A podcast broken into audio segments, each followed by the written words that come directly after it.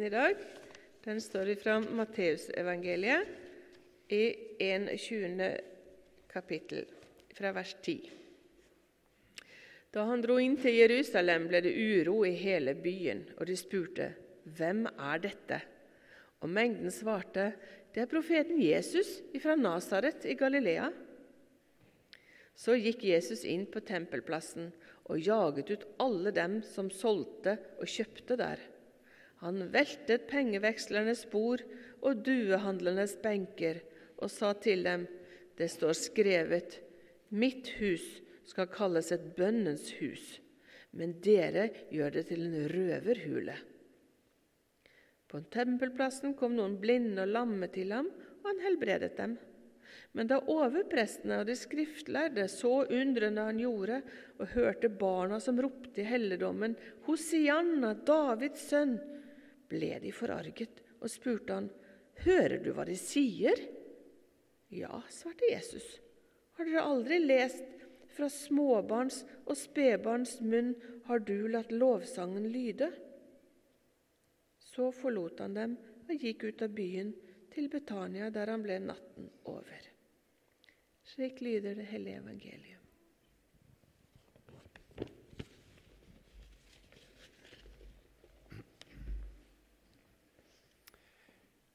Tenk dere tilbake til 60-tallet. En familie fra Åkra har nettopp fått kjøpt seg bil. Og det var ikke alle som hadde bil på den tida der. Og de har bestemt seg de skal på tur til Grinde, på stevne der, og skal ha med seg hele familien. Vanlig liten bil. sant? Se for dere det.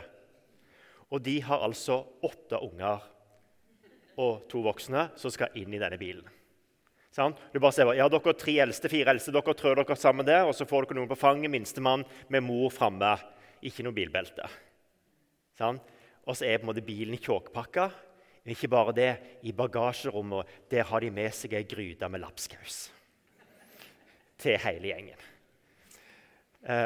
Fortellingen kom i en begravelse jeg hadde i forrige uke. og Jeg bare synes Det var så morsomt å se for meg den der bilen tjåkpakka med unger på tur til Grinde på 60-tallet.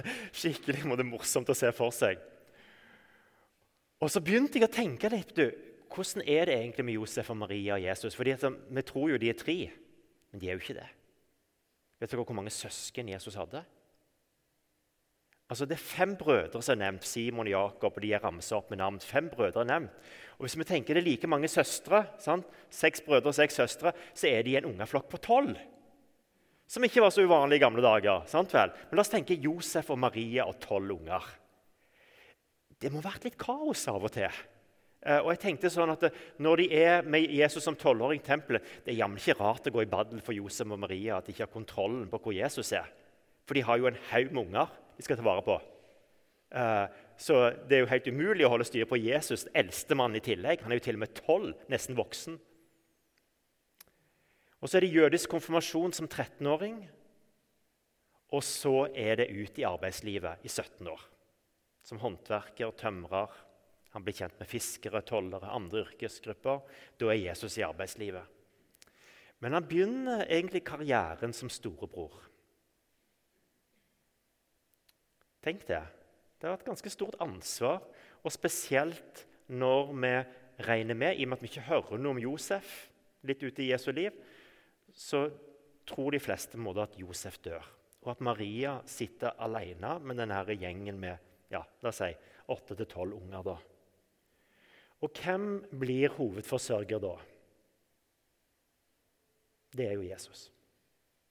Jesus blir hovedforsørger for mor og en haug med yngre søsken.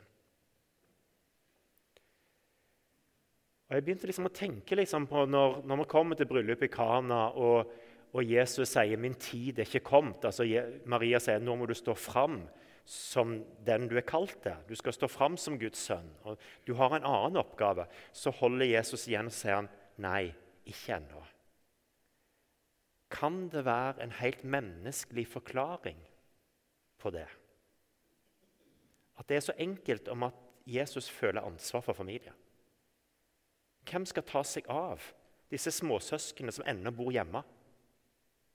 Hvis jeg står fram som rabbi Og hva inntekter vil jeg ha som rabbi? Det er ikke sikkert i forhold til hva inntekter jeg har som tømrer eller murer. Nei, Maria, jeg er nødt til å ta ansvar for familien først, før jeg kan gi meg til det andre oppdraget som Gud har gitt meg. Men så er det jo Maria som sier nei, nå skal du slippe det. Nå skal du gå videre. Men det er tydelig at dette ansvaret følger Jesus hele livet. Når vi møter Jesus på korset, så er en av hans første tanker er, hvordan skal det gå med Maria? Og Han sier til disippelen sin Johannes du må ta vare på Maria. Når jeg dør, og når jeg måtte stå opp igjen og forlate denne verden, så må du ta vare på. Han kjenner på et ansvarsfølelse som sjøl der kommer fram. Jeg har jo lurt litt på om det kan være noen flere koblinger der med korset. For vi møter jo tanta til Jesus som står der. Og så har jeg òg lurt litt på i forhold til hvem er det som pleier å ta ansvar for eldre foreldre i en søskenflokk. Det er ofte døtrene som tar et hovedansvar. Kan det være så enkelt at Johannes er gift med søstera til Jesus? At det er på en måte, Der står de på en måte òg som en familie der. Og så sier Jesus ta vare på Maria.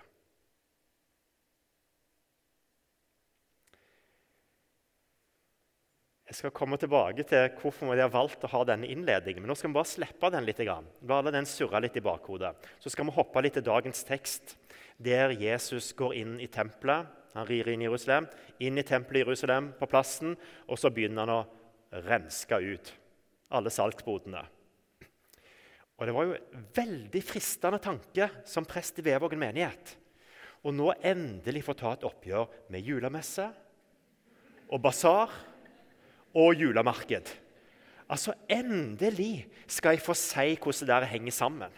Sant vel? Og At to av disse arrangementene, tre av arrangementene er rundt Veavågen kirke, det sier noe om at her har vi en oppryddingsjobb. altså. Eh, nei, det har vært utrolig kjekt med julemarkedet. Det er utrolig kjekt å se på måte, alle som har vært der, og gleden i bygda og med snø og alt mulig som har vært. Eh, det er jo fristende å ta koblingen til tempelrenselsen. Men da hopper vi litt bukk over en viktig ting. Og det at bibeltekstene er både fortid, nåtid og framtid. For Hvis man bare tenker fortid, så har det stemt ganske bra. For Jesus gjorde noe i tempelet i Jerusalem. Det er bare det at eh, de 300 neste årene av den første menighet sin historie så har en ingen kirkebygg. Det, kirkebyggene kommer på 300- og 400-tallet. Det begynner de første kirkebyggene. Tempelet blir ødelagt i år 70, så det òg forsvinner fra den jødiske Bortsett fra klagemuren som står igjen som en liten rest. Eh, så hvis vi skal tenke dette her, må det øve litt i vår tid så må vi jo lete litt på det. Hva sier denne teksten til oss i dag? Ikke bare som en fortelling om det som skjedde da, og så at en prøver å dra en enkel parallell. Hva sier det måte, til oss? Og I Johannes så står det at Gud ble menneske. Bruker ordet. sant? Gud ble menneske og tok bolig iblant oss. Gud ble menneske og tok bolig iblant oss. Det er jo det som er julefortellingen. Ehm, det ordet 'ta bolig' eh, sånn, måte, Hvis vi ser på opprinnelsen til det ordet, så betyr det helt konkret han slo opp sitt telt iblant oss. En nomadekultur var vant til å flytte. Sant? Abraham og alle måte, Israels folk gjennom ørkenen de var vant til å reise. De var en nomadekultur. Og så er det dette begrepet kommet på en på en måte, at han slo opp sitt telt midt iblant oss. Og I den ene teksten så er det på en måte litt det der Se, Guds bolig er blant menneskene. Guds bolig er her. Og Det kan være fristende å, å si at ja, det er kirka, folkens. Men de er jo 300 år uten kirkebygg. Hva betyr det da? At Gud tar bolig midt imellom oss. Og Så kommer det en fortsettelse på det verset. Og vi så Hans herlighet, den herlighet som den enbårne sønn har for sin far, full av nåde og sannhet. Full av nåde og sannhet. Og jeg har, jeg har grunna bitte litt på, på måte, på nåde det har vi hørt mye om. Men hvorfor kommer dette ordet 'sannhet' inn her? Og Egentlig så har jeg litt sånn dobbelt forhold til ordet sannhet. Fordi at sannhet kan fort bli ja, 'den som har rett', og dere andre har feil. Sant? Eller det, jeg kjenner litt at det, skal vi som kirke må det bare stå ja, vi har rett, og dere andre har feil, dere må det som ikke er med i kirka her, så, så, blir det på en måte noe ja, det blir noe arrogant i det, syns jeg. Å, si på de sannhetene her, og alt det andre er ikke sannheter. Kan det være en link mellom sannhet og det at Gud blir menneske? Det var liksom det første spørsmålet jeg tenker. Kan det være en link her mellom sannhet og at Gud blir menneske? Og så begynte jeg å tenke litt, fordi Johannes evangeliet skrives inn i en tid der Platon, filosofen Platon sin, måte, han lagde en veldig sånn, måte, avstand mellom det menneskelige materielle og det åndelige guddommelige. Sånn? Filosofene skulle ikke holde på med sånne vanlige måte, sysler. De skulle bare måte, bevege seg opp i en slags åndelig sfære. En såkalt dualisme, som vi sier. Og Det var en filosofisk retning som heter gnostisismen, som begynner der på begynnelsen av 100-tallet. Og slår seg måte, veldig til rot, òg inn i kirka. Og hvor det blir en sånn holdning til at Nei, glem det vanlige livet. Det som gjelder, er at vi skal søke denne åndelige virkeligheten. Det fins en høyere virkelighet, folkens. Den skal vi søke. Denne åndelige virkeligheten. Og inn i dette her, måte, spenningsfeltet som de levde med på den tida, så kommer dette her, måte, at Gud blir menneske og bygger ei bro mellom himmel og jord. Men der det menneskelige, menneskelige blir tatt på alvor, det er faktisk der Gud møter oss. Og da må vi tenke Jesus i liv som storebror, som arbeidskar, som konfirmant, i en familie eh, sant, med omskjærelse istedenfor dåp, som var på en måte deres tradisjon i den tida der, så er det som om Gud sier at han tar bolig i vår hverdag. Og kanskje er det nettopp der vi skal lete etter hvor Gud møter oss i hverdagen vår. Kirkebygg har en plass, og det er flott med kirkebygg og ei flott altertavle å ha et kirkebygg i bygda. Eh, samtidig, når vi ser på altertavla her, så er det utrolig mye hverdagsbilder òg i altertavla. Og det er jeg veldig glad for at vi har fått inn hverdagen her òg. Og Når bedehuset nå skal bygge nytt for sin del, så blir disse byggene våre eh, De er en møteplass hvor vi kan komme sammen som fellesskap. Men de er samtidig et tegn på noe mye større, nemlig at Jesus kommer og er en del av hverdagen vår. I det vanlige livet. I jobb, i familie, i fritid med syke unger og med syke gamle og med alt det som skjer i livene våre. Der er det Jesus kommer og møter oss. Så kanskje når vi tenker adventstid eh, i hvert fall jeg har tenkt i den adventstida, så er det kanskje der jeg egentlig har leita litt på et vis. Hvordan, hvordan kan Gud, hvordan kan Jesus bli en del av min hverdag her og nå? bare lyst til å ta, ta, med det, for det jeg glemte litt i stad i forhold til liksom det der konkrete. så tenker jeg at Både dåp og nattvær er jo veldig sånn konkrete ting. Der må Gud på en måte bekrefte denne koblingen mellom det menneskelige og det materielle og det himmelske. Det at Gud gjennom bønn og vann, gjennom ord og dåp, kommer til Gabriel og gir sin Hellige Ånd det at Gud kommer til oss i nattvær i brød og vin, så konkret, det er utrolig flotte bilder på det der med at Gud knytter dette sammen. Det er ikke bare et eller annet sånn åndelige greie. Hvordan kan vi gjøre våre liv til et bønnens hus? For å bruke metaforen fra teksten. Hvordan kan bønnens hus være noe som en del av vår hverdag? Jeg har lyst til å introdusere to enkle bønneformer for dere. Som, som jeg har henta litt fram nå, som jeg tar med meg inn i adventstida. Og Den ene bønneformen det handler om å bruke et gripekors eller en stein eller et symbol som jeg holder i hånda. Gripekorset er godt å holde i hånda, så derfor er jeg glad i gripekorset. Eh, men det handler litt om å for min del frigjøre meg litt fra alle ordene og tenke at jeg skal si så mye når jeg er sammen med Gud eller i min hverdag. At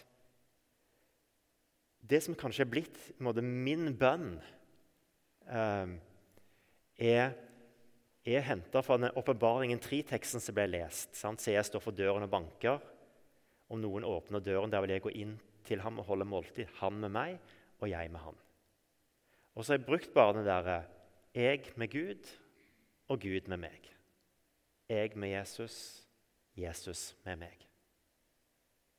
Og så har det bare vært en sånn enkel bønn å bare stoppe opp, ta et gripekors eller en stein, bare holde det, være litt stille.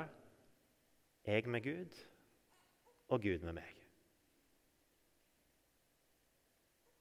Og tankene fyker jo. sant? Jeg vet ikke om dere, så dere, men Det er jo ikke sånn at liksom alle tankene stopper opp liksom i ett nu. Det er jo ikke sånn. Men så er jeg litt i bekymring for ungene, f.eks. Jeg med Gud så blir det sånn OK, meg og Gud samarbeider om å hjelpe ungene mine. En fin tanke. Jeg med Gud, og Gud med meg. Så er det, det er ikke bare mitt ansvar, det er ikke bare hva jeg skal få til, men jeg og Gud er sammen om dette. Og Gud ser et større bilde, og så er det en hvile i den bønnen. Så kan det være ja, en begravelse for min del. Jeg skal på, en måte på jobb. Sant? For din del, enten det er elektriker eller rørlegger eller lærer eller hva det måtte være. Så kan det være må du tenke på klassen din. Jeg med Gud og Gud med meg. Jeg med Gud og Gud med meg. Jeg med Jesus, Jesus med meg. Så er det noe fint bare det å lande i en så enkel bønn og kjenne at Jesus er en del av min hverdag. Så om du har lyst til å prøve det, gjør det. Eller finn, finn din bønn som kan være med å knytte hverdagen sammen med Gud og Jesus. Fordi I den der eh, Johannes 1-teksten så står det om og vi så hans herlighet. Den herlighet som den enbårne sønn har fra sin far. Full av nåde og hverdagsliv, i mine oversettelser. Full av nåde og hverdagsliv. Eh, og det er nettopp måte, i møte både med Guds nåde og Guds tilgivelse, men òg i Guds hverdagsliv, at Hans herlighet stråler over oss. For da blir det konkret inn i mitt liv og inn i vår verden. Og Den andre bønnen som jeg har lyst til å nevne kort, det er, det er det å avslutte dagen. Jeg har en bønn som avslutter dagen. og det, Dette er en gammel bønn som har vært brukt i, i kirka gjennom generasjoner som heter 'Tilbakeblikk på dagen'. Eh, og Det er liksom bare det der, jeg med Gud og Gud med meg, så ser vi litt tilbake på dagen som har vært. Når jeg sto opp, hvordan dagen forløp seg, det som skjedde. Jeg tar bare litt sånn sveip over dagen, og så er jeg på jakt etter noe som jeg er takknemlig for.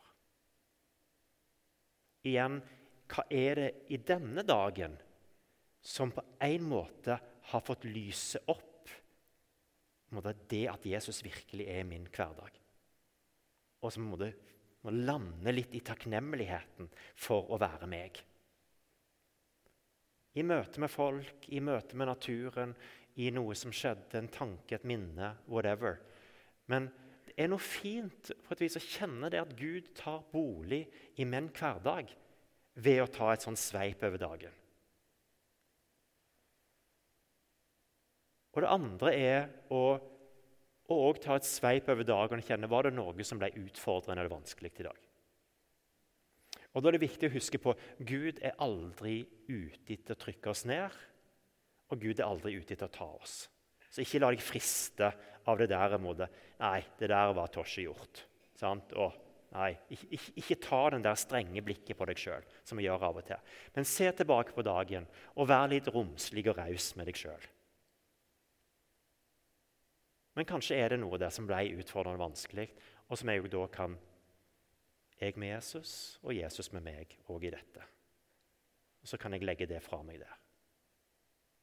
Og så tar jeg ofte et lite blikk på Jeg ber om fred over natta, og så ber jeg for morgendagen. Da det, kan det være konkrete ting jeg skal være med på i morgen, eller ting som ligger der. eller Av og til er det bekymring for noe som ligger litt lenger framme. Og så bare OK, så er jeg der òg i min framtid sammen med Jesus. To enkle måter å be på. og Det krever ikke så mye ord, men det handler mer om å se at Jesus tar bolig i vår hverdag. Musikkteamet skal synge for oss 'Dra meg nær til deg'. Og eh, Det kommer et lite refreng 'Gud, du er alt jeg trenger'. Og så tenker jeg ja, men jeg trenger jo mye mer enn Gud. Han er jo ikke alt. Jeg trenger jo mye mer enn Gud. Det er godt at noen ler litt. Ja. Men det handler jo om at Gud er i hele livet mitt. Det er ikke sånn at Gud er løsrevet fra min hverdag. Så Derfor er Gud alt jeg trenger, for Gud tar bolig i min hverdag og i din hverdag. God advent.